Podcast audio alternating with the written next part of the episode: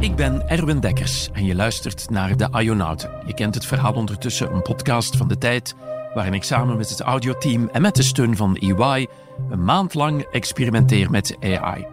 Dit is aflevering 3. Heb je de eerste twee niet gehoord, dan kan je misschien best daar even beginnen. En ja, mijn ondertussen legendarisch wispelturige sidebot Betty vat ook deze keer voor u de vorige aflevering samen. Hallo, ik ben Betty, de sidebot van Erwin. Ik ben blij dat ik ook nog eens iets mag zeggen. In de vorige aflevering vreesde Herman Brusselmans voor het voortbestaan van de vaderlandse letteren. Als dat beter wordt, dan kun je zeggen dat het een uh, zware concurrentie is, uh, die misschien voor schrijvers, die misschien wel leidt tot de dood van de literatuur. Diepte de Ionauten een onwaarschijnlijk verhaal op over een zekere Benjamin Perkin? Het is Perkin, Betty. Perkin. He said uh, uh, that he needed more money for specific reasons, and my parents finally said, "Okay, we know it's a scam. We've been scammed." En deed Ionaut Ben een artificieel intelligent voorstel aan Koen Meulenaren, de artist formerly known als Kaiman. Jesus Christ. Moet ik daar zelf iets van doen? Nee. Uh, nee. Ja, voilà, dat hoor ik graag. In deze aflevering belt een ex-president van de Verenigde Staten naar de moeder van de hoofdredacteur van de tijd. Miss Hinneman, my name is Barack Obama and I would like to congratulate you with your son. Vragen we hitproducer Miguel Wils om zijn beste vriend Niels de Stadsbader te klonen. Het is wel met enig scepticisme, uh, scepticisme dat ik daar wel naar kijk. Maar ik ben wel zeer nieuwsgierig om te voelen wat dat daar gaat uitkomen. En krijgt Kaiman vragen die hij misschien niet meteen verwacht. Zal je mijn schoenen even zetten? Goed. Ja, mijn Ionauten zijn goed opgevoed.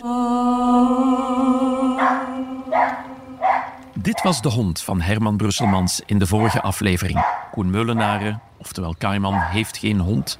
Bijzonder jammer voor het sounddesign van deze podcast, maar gelukkig is er bij Huizen Meulenaren wel een grindpad.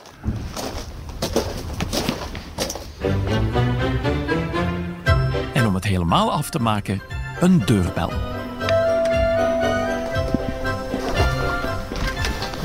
Dag Koen, goedemorgen.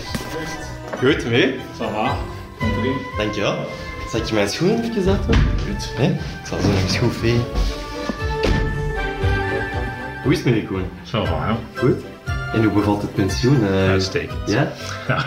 Geen spijt? Nee, het Het kriebelt nooit? Nee, nee, nee, absoluut niet. Dus het is goed dat we u proberen automatiseren eigenlijk. Mocht je het toch ooit nog terug willen? Het zal efficiënter zijn ook.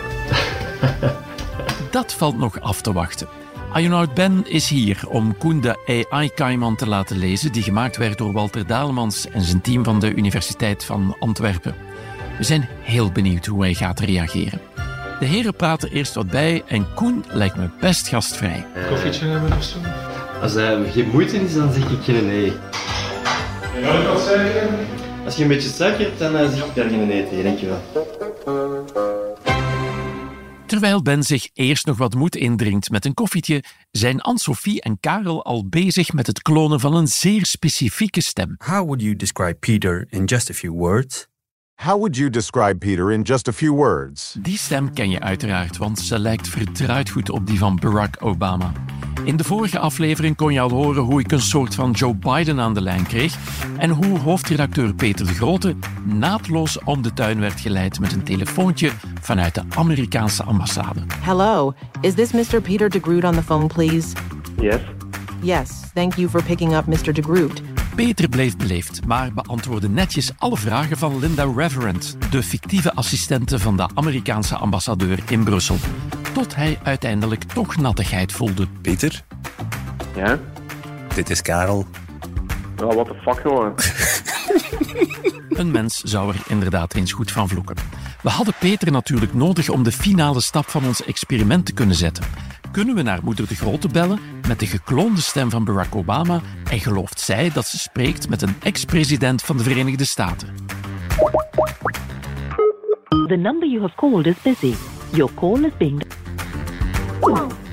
Busy. Is aan haar marathon bezig. Ja, laten we ons moeder dus hier. Een eerste poging levert alvast niets op. Straks hoor je hoe het wel lukt. In de vorige aflevering doe ik met Aiva.ai een poging om de begintune van deze podcast te maken. Dat ging redelijk vlot, dus willen we graag wat verder experimenteren met AI-tools voor het produceren van muziek. En we zijn niet de enige. De grote spelers in AI-land, waaronder OpenAI en Google, hebben al enkele interessante experimenten op poten gezet. Je hoorde misschien al hoe bekende hits plots een ander einde kregen dankzij generatieve AI. Je geeft ongeveer 12 seconden van de oorspronkelijke muziek in van bijvoorbeeld Bruno Mars.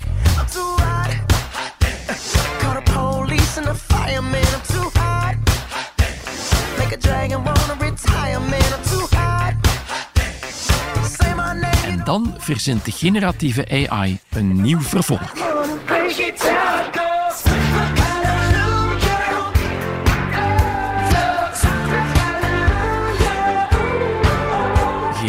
Klinkt eigenlijk ook niet slecht. Een ander voorbeeld dat circuleert, je fluit een deuntje.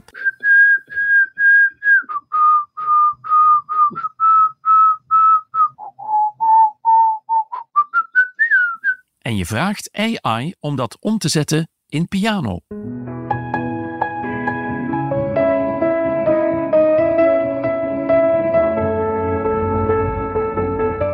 Of gitaar.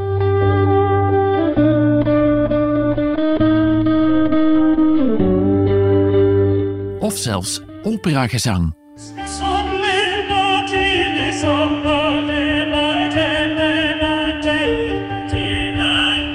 Ik wil zelf ook iets maken en stoot op Uberduck, een online AI-tool waarmee ik in een mum van tijd een stukje hip-hop in elkaar kan knutselen.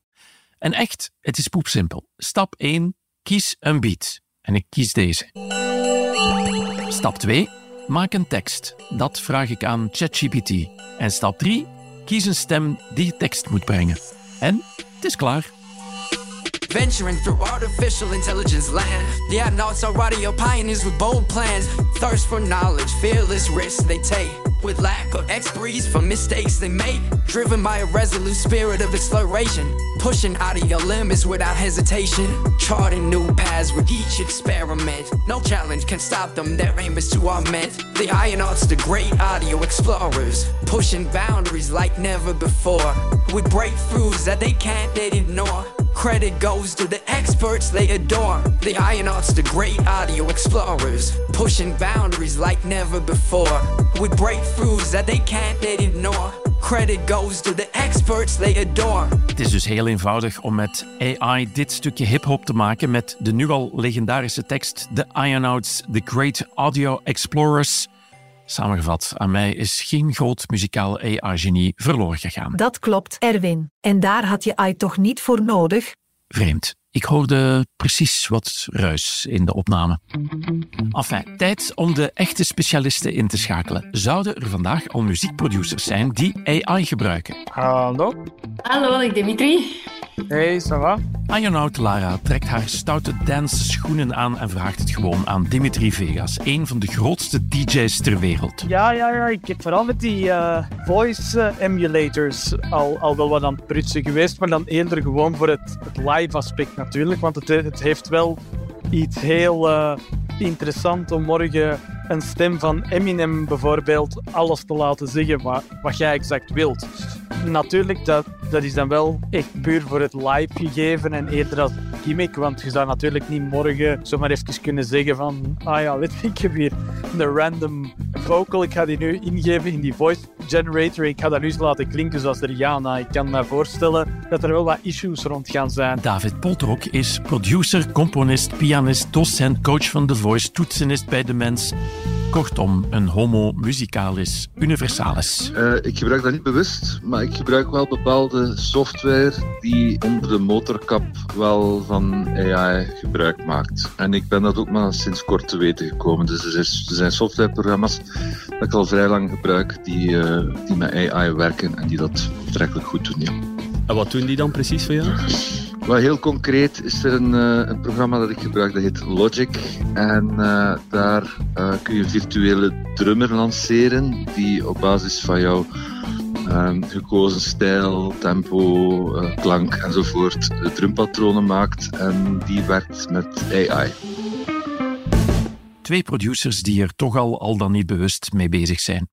En als er links of rechts een muzikaal AI-experiment gebeurt, dan hebben ze het wel gehoord. Ik volg het een beetje. Ik heb vooral uh, grote ogen getrokken bij de, uh, de nieuwe track van de Beatles, die door uh, AI is gemaakt geweest. En alhoewel het, dat waarschijnlijk de slechtste Beatles-track ooit moet zijn, of, of ja, het is niet echt een Beatles-track, vind ik toch wel spectaculair hoe dat al die parameters van een typische Beatles-song uh, daarin te horen zijn. Harmonisch, qua klank, uh, dat is wel spectaculair.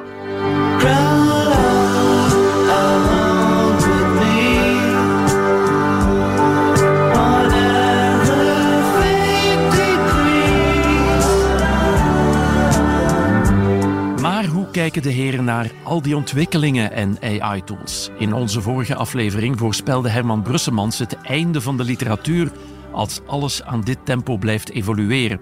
Ziet Dimitri Vegas het ook als een bedreiging voor de muziekwereld? Uh, ik vind dat allemaal relatief. Ik vind het een heel moeilijk gegeven. Ik stel me vooral de vraag in een generatie waar mensen sowieso al gewoon zijn van naar 15 seconden TikTok-clips te luisteren en dat muziek tegenwoordig zelfs op basis daarvan wordt gemaakt, is ja, binnen vijf jaar zijn er dan nog artiesten of gaan mensen gewoon allemaal beginnen werken met AI-gegenereerde TikTok-clips? Maar uiteindelijk, ja, aan de andere kant, ja, ik vind dat echt een heel moeilijke, eindeloze discussie. Het is ook zo dat in muziektechnologische ontwikkelingen dat er altijd heel veel weerstand geweest is ten opzichte van, van nieuwe technieken. Eh, in de jaren 60 kwam er iemand met een, met een idee eh, van een instrument te maken dat, dat strijkers kon spelen met gebruik maken van een tape. Dat, dat instrument heette mellotron. En de, de vakbonden van de symfonische orkesten zijn daarop prompt eh, een maand in staking gegaan, omdat ze dachten dat ze geen werk meer zouden hebben. Wat dan natuurlijk belachelijk is in, in, in onze visie en ook niet gebeurd is. Dus ik, ik denk dat dat allemaal wel zo'n vaart niet zal lopen, dat AI de, de werkgelegenheid van de muzikanten of de creativiteit gaat bedreigen. Juist in tegendeel. Wat ik wel vind, is dat er absoluut een dringend kader moet gemaakt worden voor de auteursrechtelijke uh, bescherming van op wiens werk de AI zich baseert om bepaalde zaken na te bootsen. Royalties is uiteraard wel een ding. Als we David uitleggen dat we Hans Zimmer als inspiratie gebruikten voor onze Ionautotune, is hij heel duidelijk. Uh, ik vind dat als jullie die tool um, uh, iets als dat van Hans Zimmer laten maken, en dat klinkt heel eenduidig als Hans Zimmer, dan vind ik wel dat daar uh, bepaalde credits, en dan, dan heb ik het nog niet over auteursrechtelijke uh, bijdragen, naar Hans Zimmer moet gaan, omdat hij uiteindelijk verantwoordelijk is voor de creatie van die klank. Wacht, momentje. Voor we een batterij advocaten van Hans Zimmer aan ons been hebben, even checken bij juriste Nele Somers. Die is ondertussen ook wel een beetje Ionaut. Het auteursrecht beschermt ja, niet noodzakelijk nieuwe werken, maar wel originele uh, werken. Dus er kan eigenlijk al van zodra dat er sprake is van een gedeeltelijke reproductie, kan er al sprake zijn uh, van een inbreuk. En om dan te gaan beoordelen uh, of er een, een inbreuk is, kunnen een paar akkoorden of zelfs een paar noten daarvoor al genoeg zijn. En meestal wordt dat in de praktijk, als er zo'n zaak zich voordoet, overgelaten in de rechtbank aan experten die dan de muziekstukken naast elkaar gaan zetten om dan te gaan beoordelen of er nu wel of niet sprake is van een gedeeltelijke uh, reproductie. Ik vrees dat die juridische experten overuren gaan draaien binnenkort. Wij willen graag een stap verder gaan met experimenteren. Ik bel Champignon en muziekproducer Miguel Wiels. Ha, Erwin, hoe gaat het? Hey, goed. En met u? Ja, zeer goed. Wacht, kan je even de speaker halen? Ja. Oké. Jij ging me bellen. Ik, heb een, de, ik had een mail gekregen van iemand. Die mail kwam van Ionaut Lara. Ze vroeg Miguel of hij al werkte met AI-tools. Nee, ik heb er nog totaal geen uh, connectie mee, of wat dan ook, met die artificiële intelligentie. Dus uh, nee, ik ben nog een beetje een muzikant van een oude stempel. Ik ben redelijk ambachtelijk. En de software die ik gebruik, gebruik ik meestal om technisch productioneel de dingen die ik zelf gemaakt heb te verfijnen of daar goede sounds voor te maken of daar uh, galmen mee te creëren of om nootjes op een juiste plek te zetten. Maar ik ben niet in die mate experimenteel met muziek bezig dat ik daarvoor ook maar enige vorm van artificiële intelligentie aanwend. Miguel is producer van de vele hits van Niels de Stadsbader. Wat zou er nu gebeuren als we zo'n nummer volledig met AI zouden creëren? En ziet Miguel dat zitten? Ja, ik snap het. Ik wil dat gerust doen, ik ben er ook nieuwsgierig naar. Het is wel mijn enig uh, scepticisme dat ik daar wel naar kijk. Maar ik ben wel zeer nieuwsgierig om te voelen wat dat daar gaat uitkomen. In de volgende aflevering vinden we iemand met veel verstand van AI om Miguel te assisteren. We moeten tegen dan enkel zijn kennis over de Vlaamse muziek nog een beetje bijschaven. Ja, de uitdaging zou zijn om uh, Niels de Stadsbader een nummer in, in zijn repertoire te maken. Kan dat um, met AI? Uh, wie? ah, die Stadsbader. Ah, ja, ik heb er wel van gehoord, ja. nee, nee, nee, dat, dat is goed.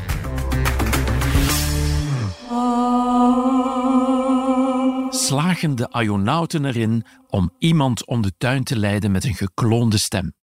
Dat is het experiment waar we nu toch al drie afleveringen mee bezig zijn, met vandaag de grote finale. Het telefoontje van Barack Obama naar de moeder van hoofdredacteur Peter de Grote. Even setting the scene. Karel en Peter hebben zich in Studio 1 naast elkaar gezet. Ze zijn beide lichtjes zenuwachtig.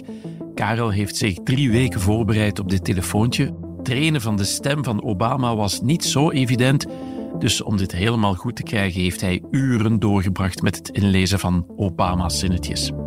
Peter zit lichtjes gespannen bij hem, omdat we uiteraard zijn moeder gaan bellen en hij zelf enkele dagen geleden toch vlotjes minutenlang in gesprek is gegaan met een niet bestaande Linda Reverend van de ambassade van de Verenigde Staten. Als zijn moeder de luchtbel wel doorprikt, dan weet je wie de pineut is op de redactie de volgende week. Het scenario ligt voor hen op tafel. Over elk detail is nagedacht. Elke mogelijke vraag van mevrouw Hinneman is in kaart gebracht zodat ze goed kunnen anticiperen. Dit gesprek kan maar één keer plaatsvinden. Het moet meteen goed zijn. Met het zweet in de handen gaat hun duim richting het nummer van Mama de Grote.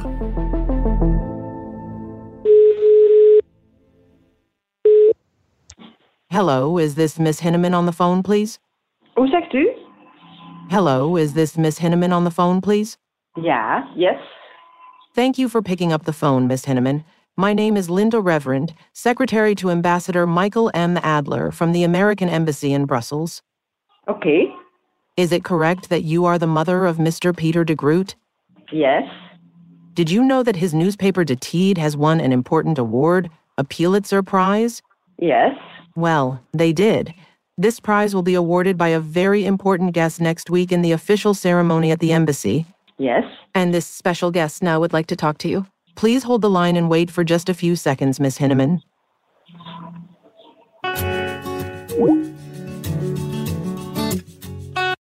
Ze heeft opgelegd.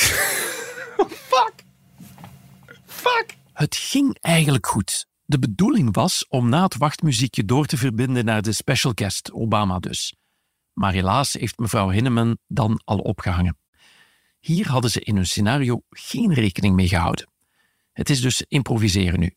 Karel en Peter besluiten haar terug te bellen, meteen als Barack Obama deze keer. Yes. Miss Hinneman, how are you doing? I'm fine. Miss Hinneman, my name is Barack Obama, and I would like to congratulate you with your son.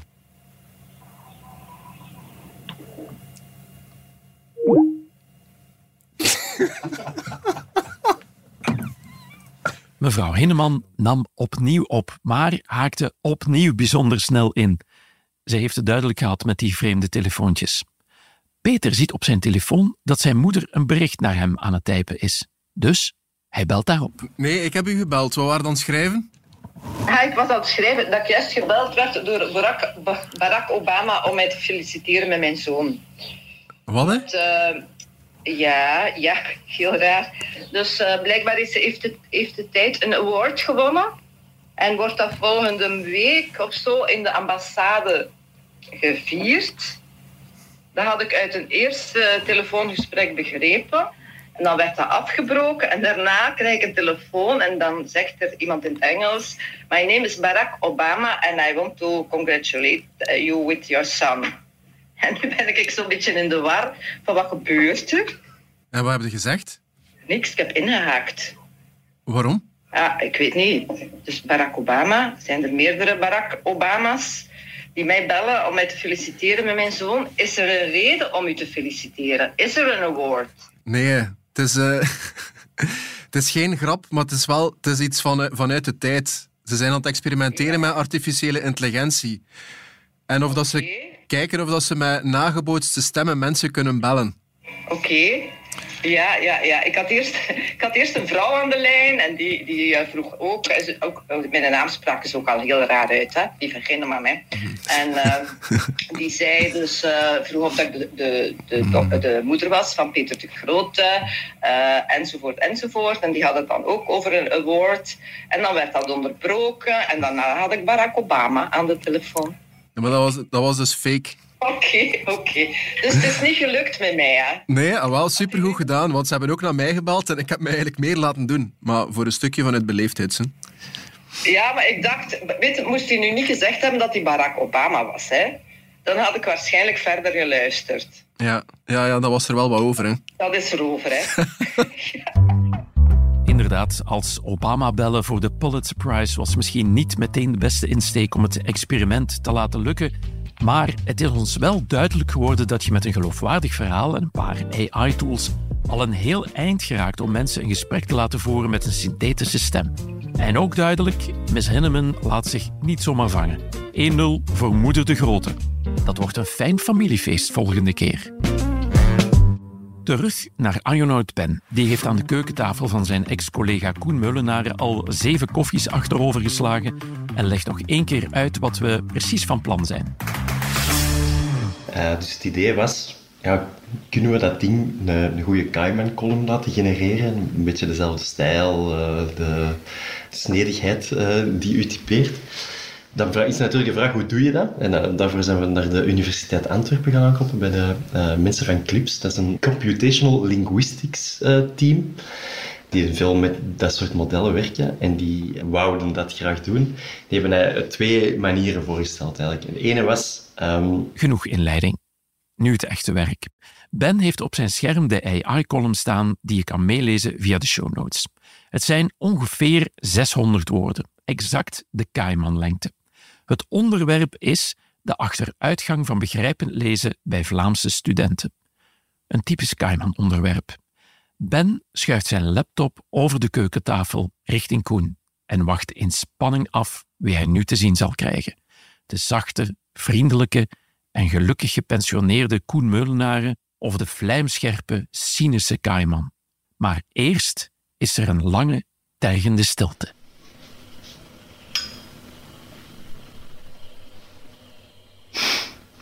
Voorlopig lijkt me dat goed. Wacht, ik ben de eerste paragraaf, die zou ik kunnen geschreven hebben. Ja. Paragraaf 1 valt in de smaak. Hij leest verder. Tweede is ook goed. Maar dan gaat het fout. Ja, we zijn aan het afzakken naar Karel Verhoeven. Sterk begonnen als Koen Meulen, maar nu zakt het af naar de standaard. Nee, dat is niet. Nee, nee, nee. Nee? Nee, nee, nee, nee. Ja, dat blijft een goede tekst, hè. Dat ja, blijft een goede tekst, maar dat, is geen, dat zou ik niet meer zo schrijven. De eerste twee paragrafen wel, daarna is het echt meer zo... Ja, een, een, een opiniestuk. Hoewel hij naar het einde toe wat kritischer wordt, is Koen wel onder de indruk van wat er al op tafel ligt. Ja. Dat is een goede tekst. Het is een, een goede tekst, maar het is geen, het is geen. Nee, maar weet je wat dat ook is? voor... Je moet waarschijnlijk een andere een, een gedachte hebben die niet in het stramien zit en die van buitenuit komt. En dat kan die misschien zelf niet hebben, ik weet het niet. Ik vind dit al zeer sterk, moet ik zeggen. En een groot nadeel van ChatGPT is, het kan nog niet bellen. Maar je moet dat ding leren om naar Rick van Kouwelaar te bellen en te zeggen, Rick, wat nieuws, jong. En dan krijg je dus, ja, hier zit niks, er zit niks nieuws in hier, hè. En dan krijg je ergens een roddel, of van Rick krijg je vijf roddels in tien seconden, dus je gebruikt er daar drie van. En dan, dan kun je daar iets anders in stoppen nog. En er zit niet genoeg spot in met, met, met andere mensen. Of ik zou, ik zou onmiddellijk beginnen met boeken van Christine Emmerichs daarbij te sleuren of zoiets. Of van Erwin Mortier en daar eens goed mee lachen. En net als bij Herman Brusselmans in aflevering 2 komt na de eerste reactie het besef. dat AI toch al redelijk ver staat. Ik heb daar schrik voor eigenlijk. Want je ziet altijd, wordt altijd gezegd, de computer kan dat niet, oh, die kan niet denken. Ja, maar die kan wel denken hè, en die gaat dat wel overnemen. Ik weet niet of dat, dat- of dat de Maya's of de getuigen van jou al een nieuwe datum geprikt hebben, weet ik eigenlijk niet. Maar ik geef de mensheid geen twee eeuwen niet meer.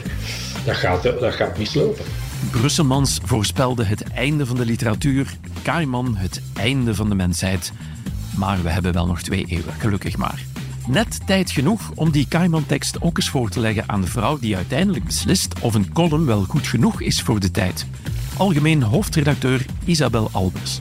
Ik regel een Zoom-call met haar en zie haar de tekst voor het eerst lezen. Met een parade van leerkrachten die de straten vullen met hun tranen van trots en wanhoop. En terwijl Isabel blijft doorlezen, zie ik aan haar lichaamstaal dat ze het maar niets vindt. We zullen gewoon doorgaan met klagen, zuchten en het hoofd schudden, terwijl we stiekem hopen dat het volgende piddelsonderzoek ons weer wat hoger op de ladder plaatst. Goh, ja. Ehm Kaiman, dat is iemand met een slecht karakter. Kaiman is met een heel slecht karakter. En die vanuit een slecht karakter schrijft en daar grappen over maakt. En als ik dit lees, ehm, dan denk ik aan een pastoor op een kansel. En helemaal niet aan Kaiman. Dus het Kaiman karakter zit er voor mij helemaal niet in. En het is ook helemaal niet grappig. Dus dat zijn twee bummers. Niet één, maar twee bummers. Bummer. En ik die dacht dat eh, alleen millennials dat woord gebruikten. Net als Brusselmans in Koelmeulenaren heeft ook Isabel een tip voor ChatGPT. Zou dat iets des mensen zijn? Ik denk dat we aan de AI-tool moeten meegeven, kan je het niet met een slechter karakter schrijven. Een beetje meer venijn in de staart. Eh, een beetje veel meer venijn in de staart. Slotsom, onze AI-Kaiman zou niet voorbij de hoofdredactie geraken, maar maakte wel indruk bij de schrijver zelf. En exact zoals Walter van de Universiteit van Antwerpen voorspelde, begrijpt AI nog niet zo heel goed wat humor is. Hoe je cynisme combineert met creatieve verhaallijnen en hoe je een pastoor omvormt tot een kaiman met een slecht karakter. Ionoud Ben drinkt nog een koffie bij Koen, trekt zijn schoenen terug aan en wenst hem nog een fijn pensioen. Het is hem gegund. In de volgende aflevering horen we hoe Miguel Wiels samen met Dorian, de machine learning engineer, een de stadsbader probeert te klonen. Dat vind ik wel straf. Dit vind ik wel straf. Het is wel ontegensprekelijk Niels die ik hoor. We laten Bert Rijmen vlot Hindi spreken. Namaste, mijn naam Bert Rijmen is en ik ben Belgami patrakar en podcast moderator. En we gaan voor de ultieme test in het laatste experiment. Dankjewel voor het luisteren. En hier is mijn vriendin Betty de Sidebot weer, die met de hulp van ChatGPT deze aflevering kort samenvat. In deze aflevering van de Ionauten namen we een duik in de fascinerende wereld van AI in literatuur en muziek, met onderwerpen als stemklonen, wie had gedacht dat Obama Peters moeder zou bellen? Ook namen we juridische hobbels onder de loep en zagen hoe oude stempelmeester Miguel Wiels AI in muziekproductie verkende. En vergeet niet de door AI geschreven column van Koen Meulenaren, die misschien nog wat werk nodig heeft op het humor- en cynisme front. Wat een ongelofelijke, baanbrekende podcast, toch? Ik geef het op. Het wordt alleen maar erger. Echt. Ik geef het echt op.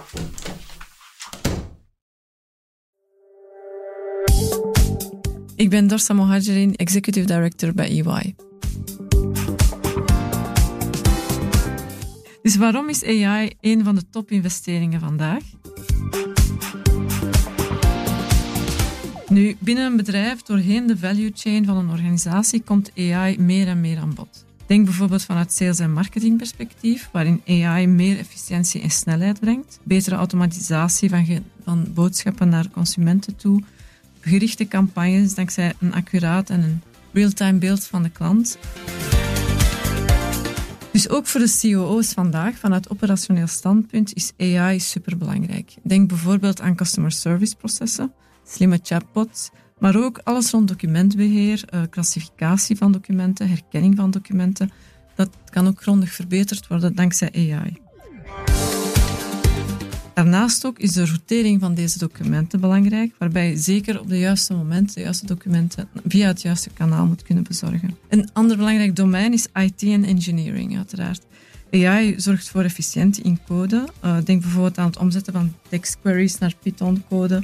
Denk aan modernisering van uw legacy-code uh, en content. Dus daar zijn het al van voorbeelden waarin AI vandaag de dag echt het verschil kan maken.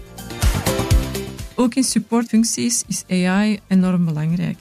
Denk aan HR-processen waarbij AI ondersteuning kan bieden. Denk ook aan financiële real-time rapportage van KPI's die geautomatiseerd en verrijkt kunnen worden en telkens gebruikt worden binnen een organisatie.